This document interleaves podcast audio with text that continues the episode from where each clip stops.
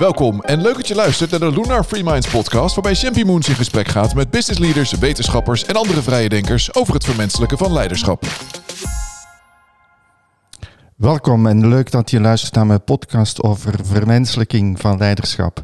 Vandaag is eh, Maria van der Heijden te gast. Maria is uh, directeur-bestuurder van MVO Nederland en tevens co-founder van Woman Wings. Voor het derde jaar op rij ga ik in gesprek over leiderschap en vermenselijking met business leaders, wetenschappers en vrije denkers. We zoomen momenteel in op twee thema's, waar we later op terugkomen in het gesprek: de tirannie van het nu en bloeien als organisatie. En dat in de context van leiderschap. Maria, welkom in onze studio. Dankjewel. In Hilversum. Ja, mooie plek. Ja, tof. Uh, leuk dat je met mij in gesprek wil ja. over deze mooie thema's. Uh, je hebt als uh, professional veel kilometers al op de teller, als ja. ondernemer en als uh, directeur, toezichthouder.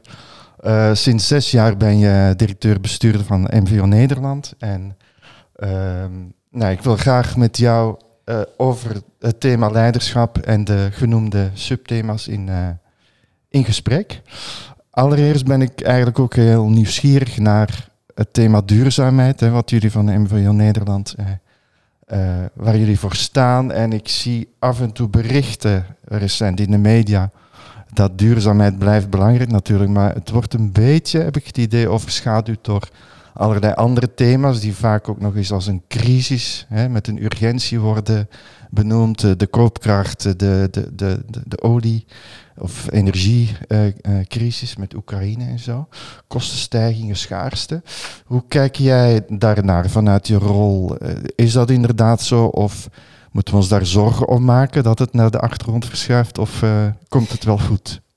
Nou, het komt zeker niet vanzelf goed, nee. maar ik denk wel dat alles met elkaar te maken heeft. Mm -hmm. En als we iets van corona hebben geleerd, dan is het we're all in this together.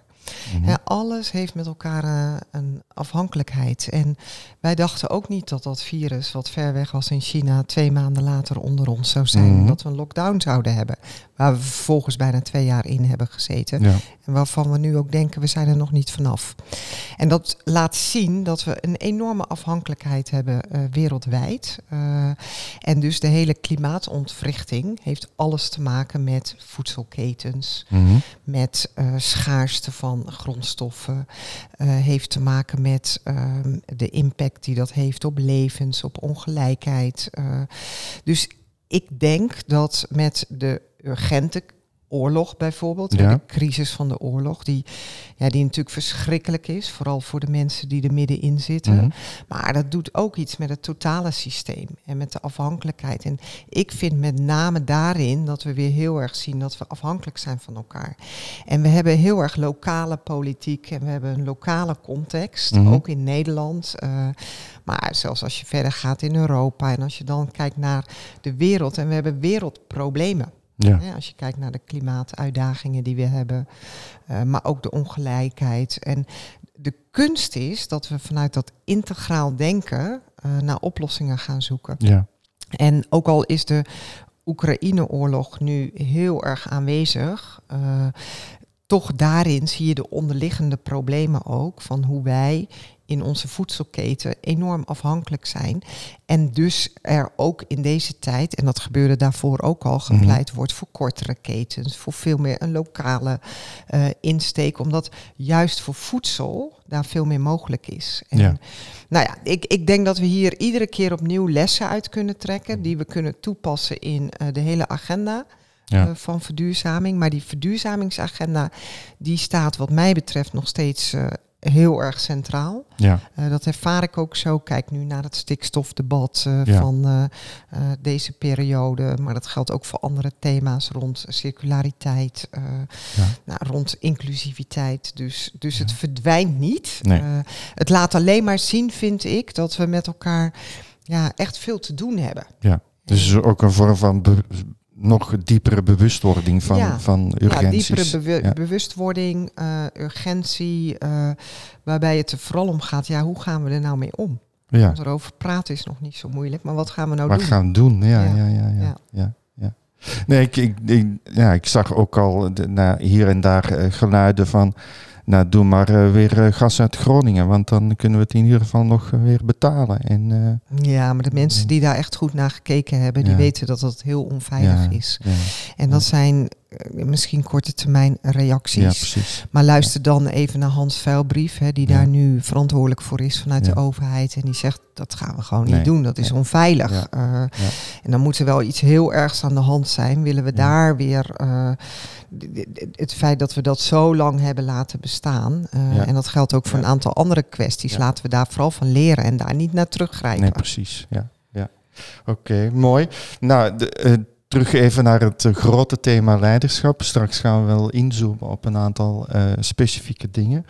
Uh, maar eerst even uitzoomen, als je dat goed vindt. ik ben heel erg geïnteresseerd, vraag ook aan mijn meeste gasten van...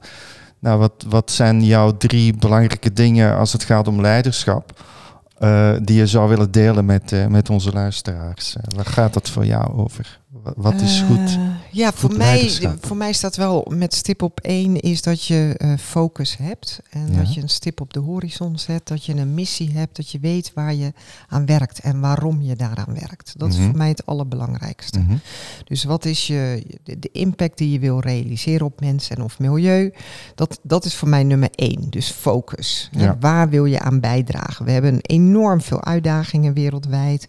Een, een taart waar je uit kan kiezen. Ja. En kijk dan heel erg waar jij de meeste verbinding op hebt en waar jouw passie zit om aan bij te dragen. Ja.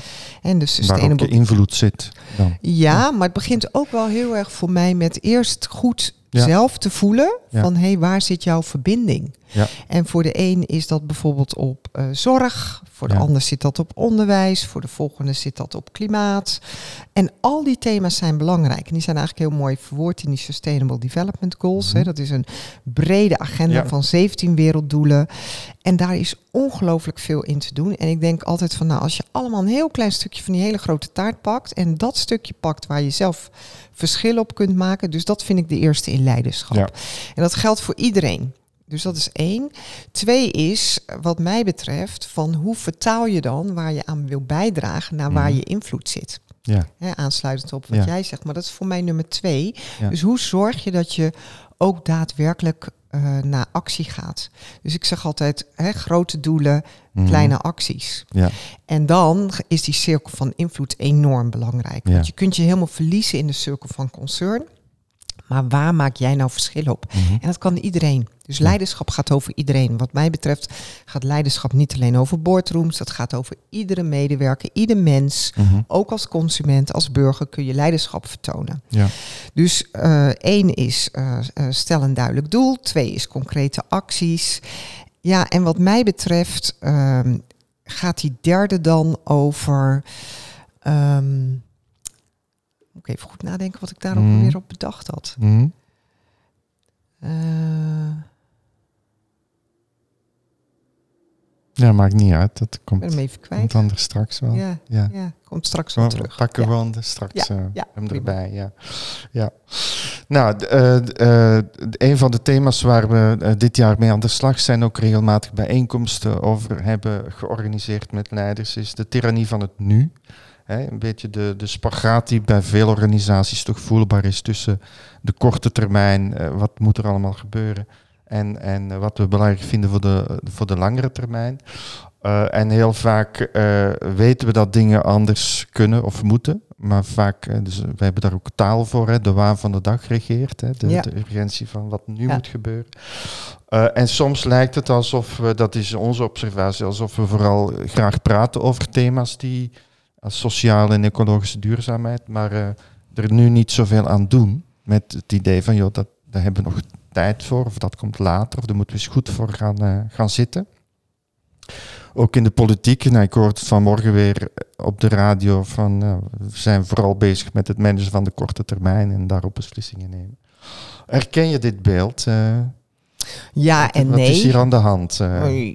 Ja, nou ja, wat er aan de hand is, is denk ik dat, dat uh, het zijn best wel hele complexe uh, ja? zaken. We zitten in maatschappelijke transities die complex zijn. Mm -hmm. En eigenlijk zou je kunnen zeggen, die enorme complexiteit kan verlammend werken.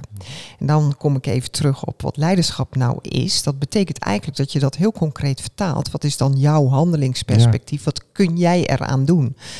En dat is natuurlijk uiteindelijk ehm, ja, heel fulfilling, even op zijn Engels. Eh, dat zorgt voor ook, ook voor de kracht, de levenskracht die je zelf hebt, dat je daar zelf iets aan kan doen. Ja. En daarom vind ik het ook zo belangrijk dat mensen daar instappen. Ja. dat learning by doing, dat lijkt misschien een credo, maar daar geloof ik heel erg in. Dus begin gewoon. Ja. kijk naar waar de essentie van jouw organisatie zit, wat het DNA is van je organisatie, van je bedrijf, waar jij aan bij wil dragen. En pak dan gewoon voor het laaghangend fruit. Wat is het mhm. makkelijkste om mee te beginnen? Als je iets met die energietransitie wil doen. Wind en zon, de mensen die verstandig zijn, zijn er al lang mee begonnen. Want mhm. nu loont zich dat extra. Maar datzelfde geldt voor circulair. Hoe kun je zorgen dat je op een andere manier naar producten of naar diensten gaat kijken? Ja. Waardoor je minder grondstoffen verbruikt. Ja. Inclusiviteit, als je uitgaat dat ieder talent telt, dan ga je echt anders kijken naar uh, de, de pool van medewerkers, de mensen met wie je werkt, maar ook vanuit het perspectief mens, naar je toeleveranciers kijken, naar je klanten kijken, waarbij je veel meer mens, de mens centraal stelt. Dus ik geloof heel erg dat je uiteindelijk moet vertalen je grote doel naar concrete acties en dan kun je elke dag een stapje maken. Ja. En, en als dat dan nog steeds voelt van, draag ik nou bij, schrijf het op. Waar ben je dankbaar voor? Schrijf het op. Want als je dat elke dag doet, dan zie je dat je op 365 dagen echt verschil kunt maken in een jaar. En ik denk ook dat we daarin heel bemoedigend naar elkaar kunnen en moeten zijn, omdat. Mhm. Uh, uh, die moed heb je dus ook nodig om, om dat wel elke dag uh, te verduren. Want als je nogmaals in die klimaatontwrichtingen, je ziet dingen gewoon echt eigenlijk niet beter gaan. En daar kan je enorm moedeloos van worden. Toen ik bij MVO Nederland begon, zes jaar geleden, toen was dat klimaatakkoord het jaar ervoor vastgesteld in Parijs. En die SDG's waren vastgesteld. Ik dacht, nou, dit is de tijd. Dit is de tijd. Nu gaat het gebeuren. Ja. Nu gaat het gebeuren. en als je kijkt naar de impact die we de afgelopen zes jaar gerealiseerd hebben, dat is gewoon echt niet voldoende. Nee. nee. Ja, we, we, hebben op sommige onderdelen hebben impact en op andere onderdelen zijn we zelfs achteruit ja, gegaan. Dus zo goed doen we het niet. nou, dan kan ik ook denken, nou ja, dan ben ik niet de geschikte vrouw op de geschikte plaats. Dat kan. Ja. En ik kan ook nadenken over van ja, oké, als dit dan niet gelukt is, wat gaan we dan wel doen? Precies. En waar kunnen we wel stappen zetten? Ja. Maar dat vraagt ook uithoudingsvermogen. Ja. Je en dat is denk ik de derde die ik nog toe wilde nou, voegen vanuit leiderschap. het is niet makkelijk. Het is ook echt, het vraagt ook echt uithoudingsvermogen. en het moet stuk. Ja. Moet met een D. Moet met een D. En ik zeg ook altijd, het leven is niet voor niks het meervoud van lef. Ja. Dus het vraagt ook van ons allemaal dat je, uh, dat was inderdaad de derde, dat gaat heel erg meer over, ja weet je, wat voor eigenschappen heb je nou nodig om dit mm. eh, te kunnen doen? En daarin elkaar bemoedigen is ook heel belangrijk. Ja, Want ik zie ook uh, mensen om me heen die er af en toe doorheen zitten. Of elkaar dat duwtje in de rug geven. Elkaar empoweren is ongelooflijk belangrijk. Je zei net iets mooi ook. Uh, je moet verbinding maken met datgene waar je uh, van bent. Of, ja.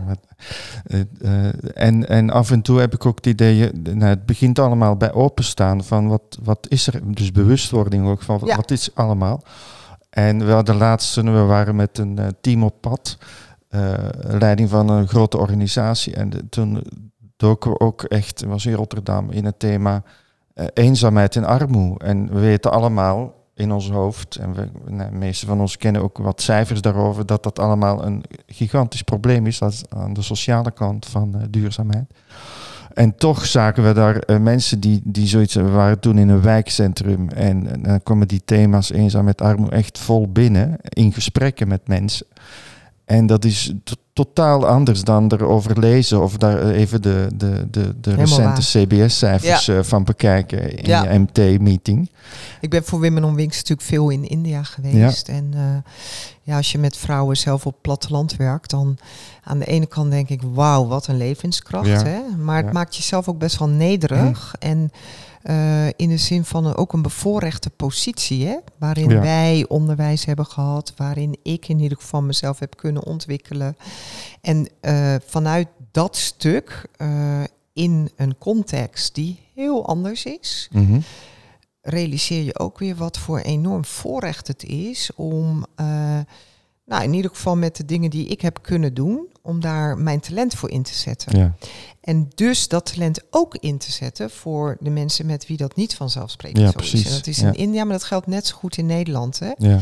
En dat geldt ook naar collega's toe. Want mhm. als je het hebt over nou, eh, bijvoorbeeld zo'n thema als depressiviteit, wat minder zichtbaar is, maar mhm. wat echt heel erg ook in Nederland natuurlijk voorkomt. En bij jongeren, maar ik denk ook bij collega's. Dus mhm. let ook op in de werksfeer dat je daar oog voor hebt. Want het is, ehm, ja, nogmaals, ik ben zelf altijd heel blij dat ik nou ja, die genen heb of zo, om, dat, om daar goed mee om te kunnen gaan. Maar het is niet vanzelfsprekend. Nee, nee. En zo ook stress ja. is, is ook uh, ja, een van de grote problemen. Ja.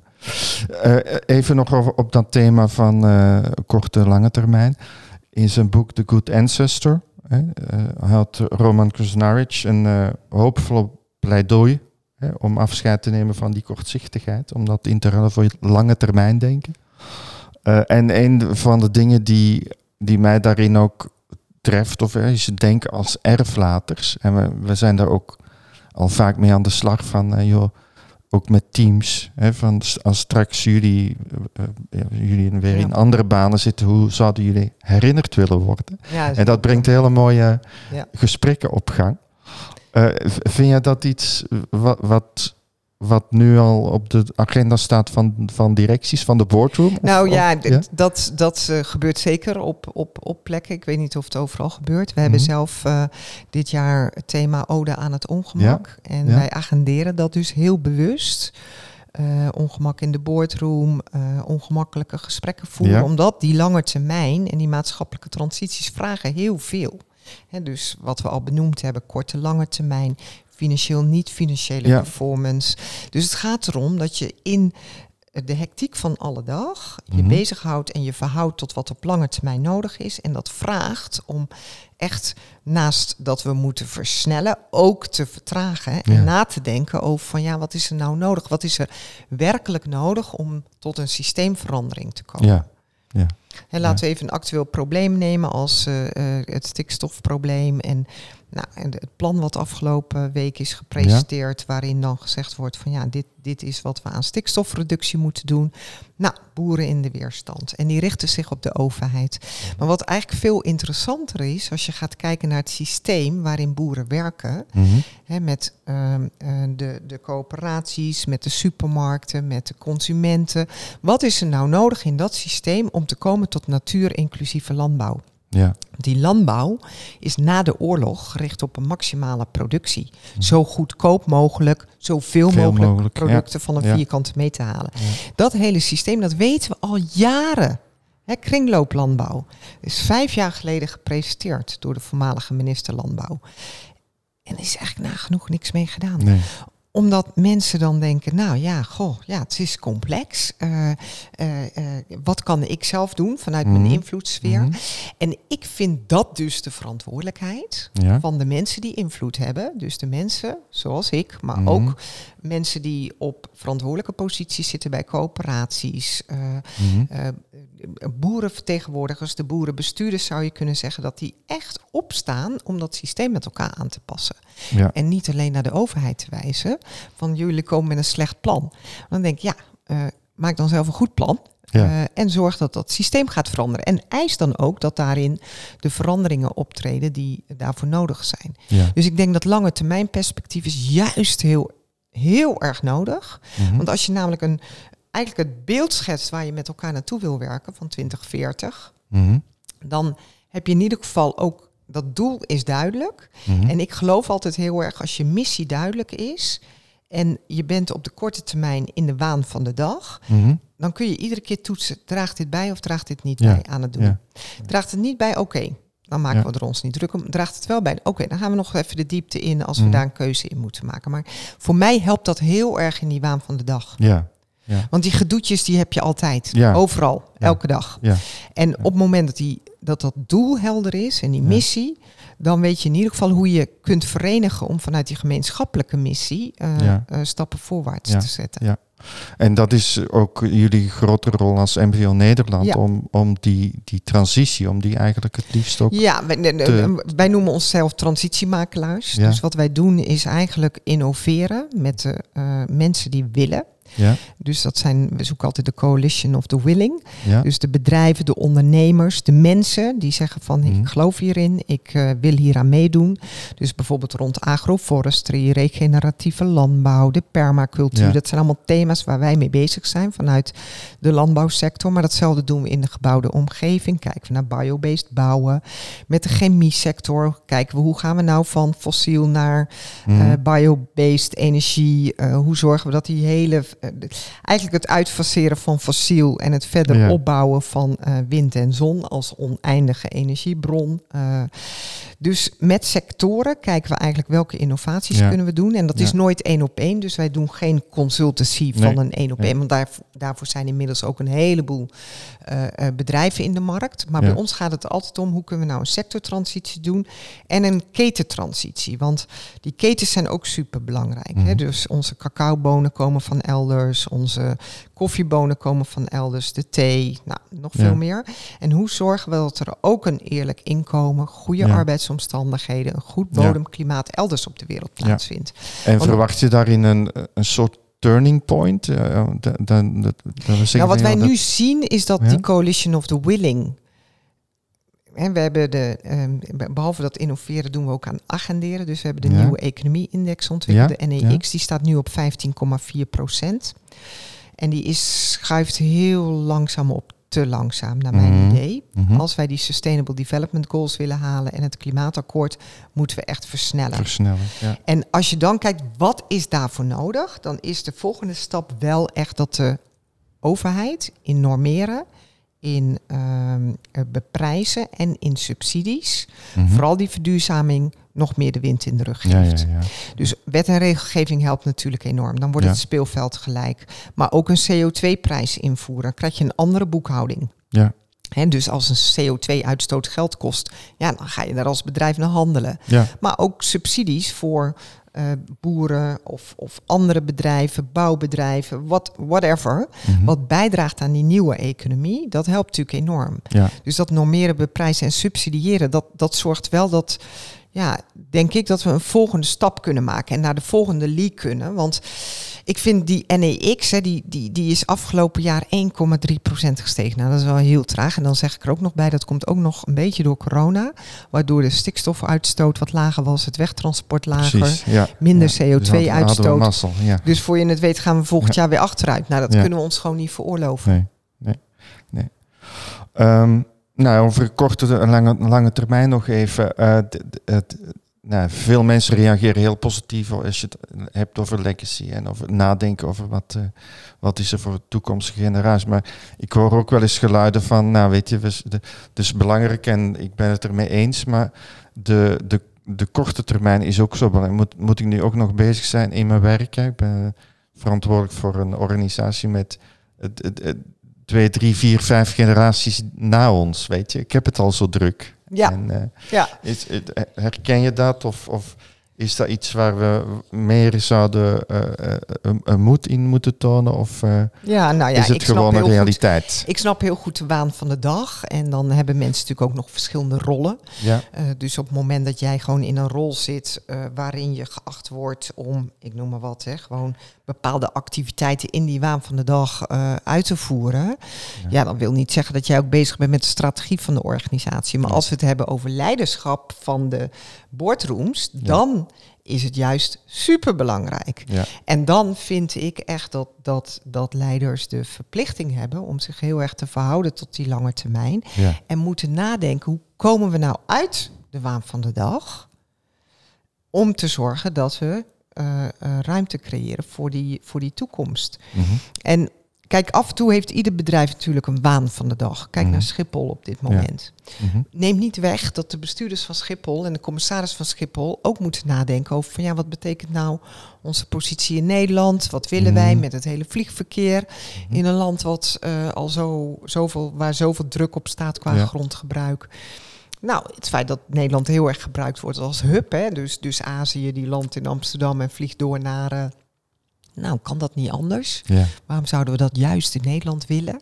Ja. Dus dat soort vraagstukken zijn wel heel relevant. En die kun je ook koppelen, en die moet je ook koppelen natuurlijk aan het werk, aan het verdienvermogen.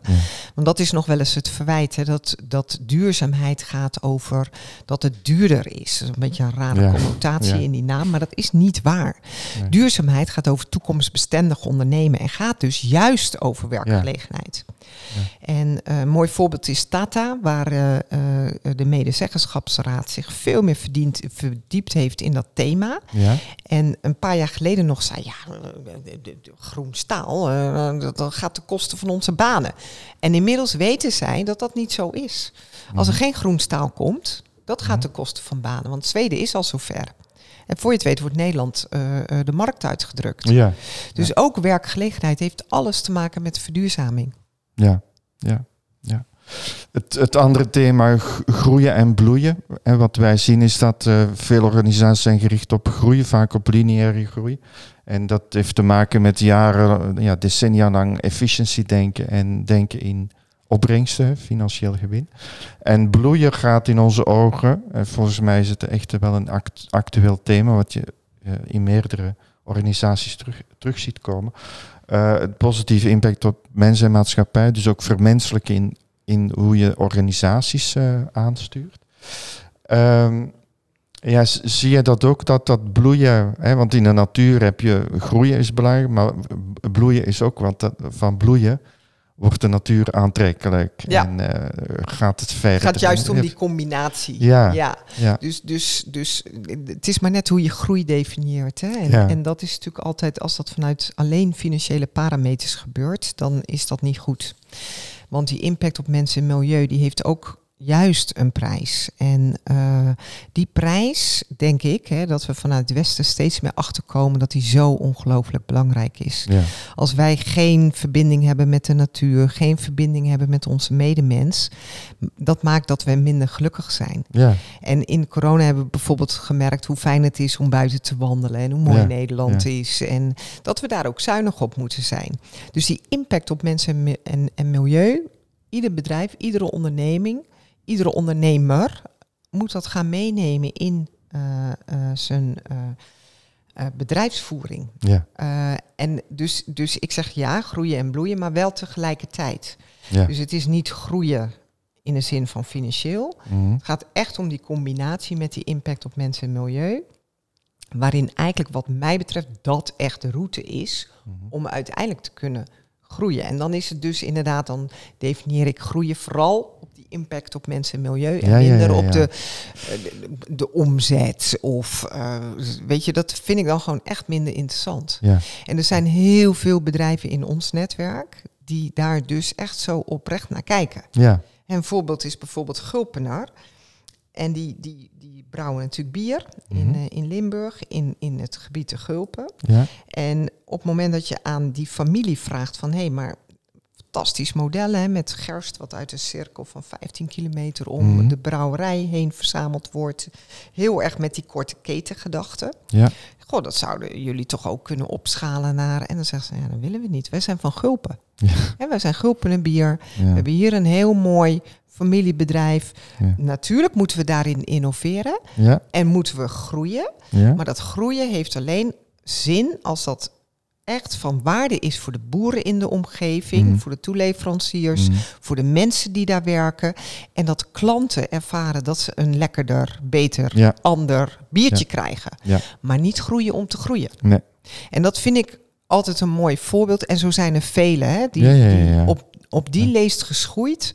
Uh, denk ik, bezig zijn met waar, waar eigenlijk bedrijven bestaan bij gratie van de samenleving. Ja. En niet omdat een bedrijf een doel in zichzelf is. bij gratie van de samenleving, ik denk de belangrijkste maatschappelijke waarde van bedrijven zit absoluut in werkgelegenheid. Mhm. want werk is veel meer dan inkomen. Dat is empowering. Mm. En dat, dat Zingeving. van alles. van alles. Uh, dus daar geloof ik heel erg in. Maar daarmee heb je ook een verantwoordelijkheid naar die natuur, biodiversiteit staat nog niet zo heel hoog op de agenda bij bedrijven. Kunnen bedrijven ongelooflijk veel aan doen. Maar ook dat hele circulaire principe. Dus niet meer grondstoffen delven, iets van maken, weggooien. Echt mhm. zorgen dat je iets in de keten houdt, dat je er iets anders van maakt. Nou, er zit zoveel potentie in hè, de nieuwe economie. En ik denk, ja, dat gaat uiteindelijk om toekomstbestendigheid. En dat is het allerbelangrijkste. En daar zijn mensen zo belangrijk in. Ja. Ja. eigenlijk kun je daar ook beter mee verbinden dan met alleen maar die, uh, die korte termijn. Ja, en met, met dat geld. Want ja, geld is natuurlijk wel belangrijk. Hè? Dat, Natuurlijk is geld belangrijk, maar het is meer een voorwaarde om te leven. Maar je wordt er natuurlijk niet gelukkig van. Nee. Dus zo'n bekend citaat uh, van Paul Polman. Ik hoop niet dat ik herinnerd word als degene die het marktaandeel Robijn liet toenemen, maar als iemand die een verschil heeft gemaakt voor, uh, voor de wereld. Ja. Ja. Mooi hoor. De, uh, nou, vanaf 2024 gaat de, de rapportageplicht gelden om niet alleen te rapporteren over financiële gegevens, maar ook over uh, uh, ecologische ja. en sociale ja. toegevoegde waarde. het feit dat dat verplicht wordt voor grote organisaties, gaat dat helpen, denk jij? Ja, dat wordt verplicht. Hè. Dat wordt een richtlijn die komt nu vanuit de EU voor bedrijven met 250 medewerkers of meer. En je noemde net Paul Pomman. En dan moet ik toch ook altijd even toch iets zeggen over al die MKB'ers. Die hier heel erg veel verder vaak in zijn op het gebied van het werkelijk verankeren van mensen en milieu. Dus ik noemde even Gulpner. Jan-Paul Rutte is dat, maar ook Shirley Schrijvens. Van er zijn heel veel MKB-bedrijven die zitten niet aan die 250-grens. Die hebben die mhm. hele CSRD niet nodig. Nee. Omdat ze dit al verankerd hebben in hun bedrijf. En eigenlijk bestaan vanuit het impact creëren. Ja. Uh, mooi voorbeeld is natuurlijk ook altijd Tony Chocolonely. Dat is dan een hele bekende. Mud Jeans. Uh, Dus dat zijn MKB'ers die mhm. echt uh, vanuit een overtuiging en intrinsieke motivatie iets anders in de markt neerzetten. En daarmee ook een enorme impact hebben op grote bedrijven. Ja. En dus vegetarische slager is overgenomen door Unilever. Ja. Ben Jerry's is overgenomen door Unilever. Seven Generations is overgenomen door. En dat doen ze omdat dit soort pareltjes een enorm rimpeleffect hebben in de organisaties, in die grote corporates. En waar een corporate natuurlijk echt wel een soort ja, uh, mammoetanker is, heb je natuurlijk ook die wendbaarheid van die MKB-bedrijven. En wat ik zelf ook vaak zie in die familiebedrijven, zit dat generatiedenken gewoon veel sterker verankerd. Dus die denken veel meer in, ja, in, in lange termijn. En ja, die zijn helemaal niet bezig. Die zorgen er zelfs voor dat ze niet opgekocht kunnen worden.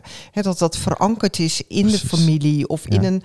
Uh, en, en nogmaals, ander mooi voorbeeld is bijvoorbeeld Breeman installaties. Die zeggen van ja, het kapitaal zit misschien in de familie, het geldkapitaal, maar het menselijk kapitaal, dat zijn onze medewerkers. Mhm. En dat is minstens zo belangrijk om met deze mensen, niet alleen met het geld, maar met de mensen richting te geven aan het bedrijf. Ja. Dus ik pleit ook altijd even voor de MKB'ers. Ja, eh. nou, heel goed dat je dat ook uh, benoemt. En heel mooi dat je ook die, die twee thema's, want wat wij zien wat helpt in verandering, zijn twee grote dingen. Dat is urgentie. Nou, die CSR Directive die gaat er zeker bij helpen. Maar ook intrinsieke motivatie. En dat wordt wel eens vergeten hoe krachtig en hoe invloedrijk dat is. En wij vragen ons af en toe af van als nu via die CSR Directive, als dat bij de CFO's terechtkomt van joh, zorg jij maar dat we dit kunnen afvinken dan is het natuurlijk wel een verzwakking van. Uh, dan, dan zit wel, alleen maar urgentie. op zich ben ik wel positief voor over de CSR. Die misschien uh, komt, kwam dat nog iets te weinig uit mijn antwoord, omdat ik heel erg op die MKB's inging. Nee, die CSR Directive gaat wel helpen in integraal rapporteren. En integraal rapporteren leidt tot integraal denken. Ja, en, natuurlijk, en bewustzijn. Ja, en dat, dus dat afvinken bij de CFO, ik, ik, ik denk echt dat dat meer vraagt, juist ook van uh, de board om te komen tot de goede parameters. Want dat is helemaal nog niet zo makkelijk. Uh, dus veel bedrijven zijn nu echt wel ineens zo, oeps, er oh, komt wel iets op ons af. en hoe gaan we dat doen? En ik merk dat dat niet alleen bij de CFO neergelegd wordt. Nee, precies. Het is echt wel een boordthema, waardoor ook gewoon duurzaamheid hoger op de agenda komt. Ja. Ja. En, en dan denk ik, ja, dat helpt ook wel. Dat, dat ze uh, rapporteren leidt tot, tot, tot denken en, en tot een andere ja. uh, benadering. Dus dat, dat is ook weer heel positief. Ja. En heb je het idee dat we daar, want volgens mij is, ja, ik kom geen enkel bedrijf tegen die niet met ecologische duurzaamheid bezig is, op een of andere manier. Maar met sociale duurzaamheid, dat is af en toe, de, de, worden bedrijven, ja, hebben wij een rol te spelen in uh, armoede of eenzaamheid of andere sociale thema's. Oké, nou ik, ik... Maar kan, kan ja, een selectieve perceptie nou, die, Kijk, wat je ziet is dat er echt een ecologische crisis is. En, en die kan omgezet worden in economische kansen. Ja. Dus dat, is, dat, dat, is, dat, dat voelen mensen denk ik heel erg. Maar we hebben natuurlijk ook echt een crisis van ongelijkheid. En niet alleen in Nederland. In Nederland is die ook heel groot, maar wereldwijd. Dus ik vind dat we een enorme verantwoordelijkheid hebben om naast de ecologische crisis, die ongelijkheidscrisis, echt op te lossen. Want ik, nogmaals, dat, dat zei ik eerder alweer, all in this together als het met een deel van de mensen niet goed gaat, dan gaat het met niemand goed. Ja. Daar ben ik echt van overtuigd. Dat heeft impact op ons allemaal.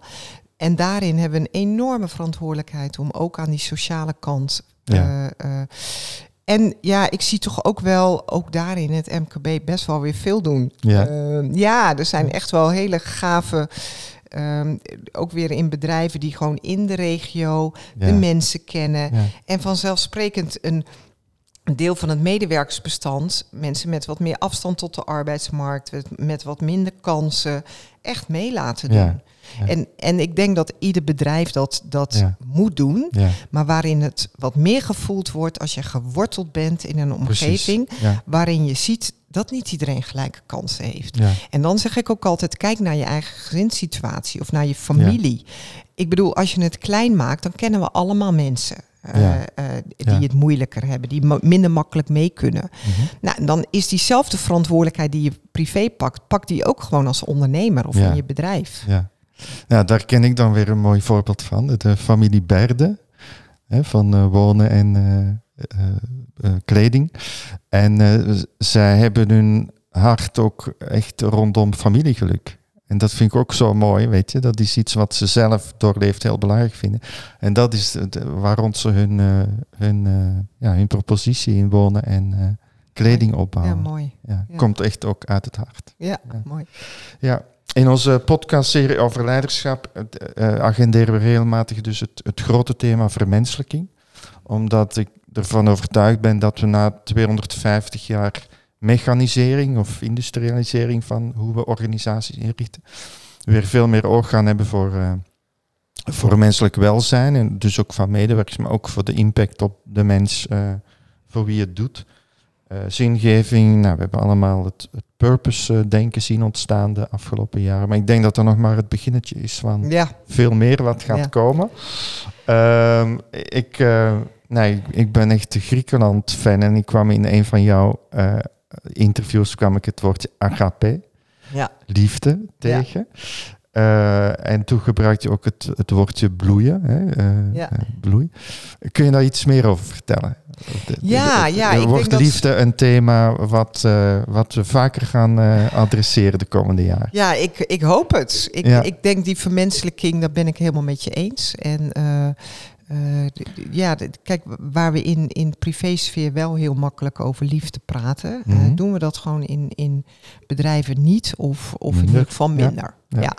Dus de vraag is, het gaat me niet alleen om het woord liefde. Het gaat me echt om, om nou, wat betekent dat op de werkvloer? En hoe zorg je dat je in verbinding bent met elkaar? En dat je de menselijkheid uh, uh, daarin opzoekt. En dat je behalve dat je uh, daarin nou, dit overleg hebt, of, maar werkelijk... Verbinding. Nou ja, en, en ook wel dienstbaar bent naar de mensen om je heen. Vanuit mm -hmm. leiderschap dat je uh, daarin uh, jezelf voortdurend bevraagt van hey, sta ik voldoende open? We weten dat iedereen een bias heeft, hè? Mm -hmm. ook ik, ook mm -hmm. jij. Dus we hebben allemaal een bias dat je toch de neiging hebt om met hetzelfde type mensen om te gaan. Mhm. En de kunst is dat diversiteit, die we gewoon in de samenleving ziet, zien, van enorme waarde is. En dat we die diversiteit eigenlijk ook willen omarmen in het bedrijfsleven. En toch hebben we daar heel veel moeite mee. Ja. En dat komt omdat we inderdaad een enorme bias hebben. En ik denk dat een enorm voordeel al is als je je bewust bent van je bias. Dat je mhm. iedere keer denkt, oh ja, goh, ja, met die kan ik iets makkelijker praten. Omdat hij ongeveer hetzelfde praat als ik. Uh, uh, maar dus ook mensen die bijvoorbeeld een aversie hebben tegen dat woord liefde op de werkvloer. Dan ben ik benieuwd waar, zit, waar, waar komt dat vandaan? En dat wil niet zeggen dat ze niet die verbinding willen. Mhm. En dat is met het woord agape.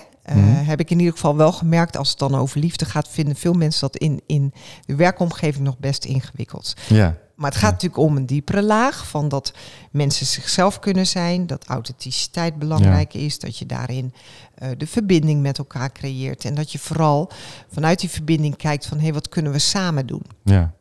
En uh, ja, ik, denk dat dat vooral van waarde is. En nogmaals, ik, dat aandacht voor echt, hè, dat is een netwerk wat ik zelf uh, mede heb opgezet, waarin mhm. we eigenlijk heel erg kijken wat is nou ons authentieke leiderschap en hoe kunnen we dat in ieder mhm. geval in onszelf bewaken en versterken op de mhm. plekken waar we zijn.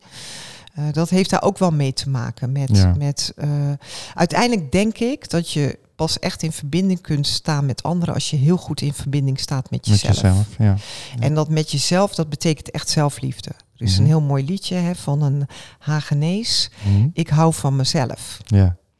En dat is echt wel, die kijkt dus in de spiegel en zegt dan ik hou van mezelf. En ik denk dat dat werkelijk uh, heel belangrijk is als je je rol als leider vervult. Ja. Want voor je het weet ga je al je angsten en al je onzekerheden projecteren op een ander. Ja. En nogmaals, ja. Uh, um, ja. Dus dat stuk hè, van hoe, hoe praten we daarover met elkaar, hoe, hoe ja, niemand is perfect. Mhm. En dat is natuurlijk ook altijd weer zo mooi. We zijn allemaal mensen. Mhm. En daarin je kwetsbaarheid laten zien. Ik denk dat dat echt voor heel veel mensen, inclusief mezelf, ook ingewikkeld is. En dus, dus laten zien wanneer, wanneer je het niet weet. Wanneer je ook denkt van, huh, hoe moet ik hiermee omgaan? De hulpvraag stellen. Ja, dat, dat is ook echt heel belangrijk. Mooi.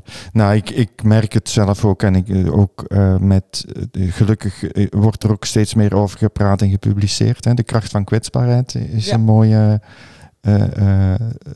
lectuur daarover. En ik zie het ook, nou, jaren geleden werd het nog vaak in een hoek gezet. Ja, ze zijn heel soft, hè, moeten we het daar ook over, over hebben? Hoort dat er ook bij? En ik merk nu vanzelf dat er veel meer de vraag is van uh, kunnen we het hierover hebben en kunnen we die reflectie aangaan. Ja, zonder te weten wat er precies uitkomt. Ja, mooi. Dus ik ben daarin ook wel uh, heel optimistisch. Goed zo. Maria, we zijn aan het eind gekomen van ons gesprek. Ik wil je ontzettend bedanken. Ik vond het heel tof om met jou dit gesprek te mogen voeren. En nou, ik hoop dat het ook heel waardevol zal zijn voor onze luisteraars. Hoop ik ook. Nou, graag gedaan. Ja, dankjewel. Dit was de Free Mind podcast van uh, Lunar Institute. Heb je met plezier geluisterd, dan zou ik het heel leuk vinden als je een waardering achterlaat. En mocht je nog niet geabonneerd zijn op Spotify of je favoriete kanaal, op onze Lunar eh, podcast, dan kun je dit alsnog doen. Krijg je automatisch ook een melding als er een nieuwe aflevering live staat, zoals altijd bij een nieuwe volle maan. Bedankt voor het luisteren en tot een volgende mooie volle maan.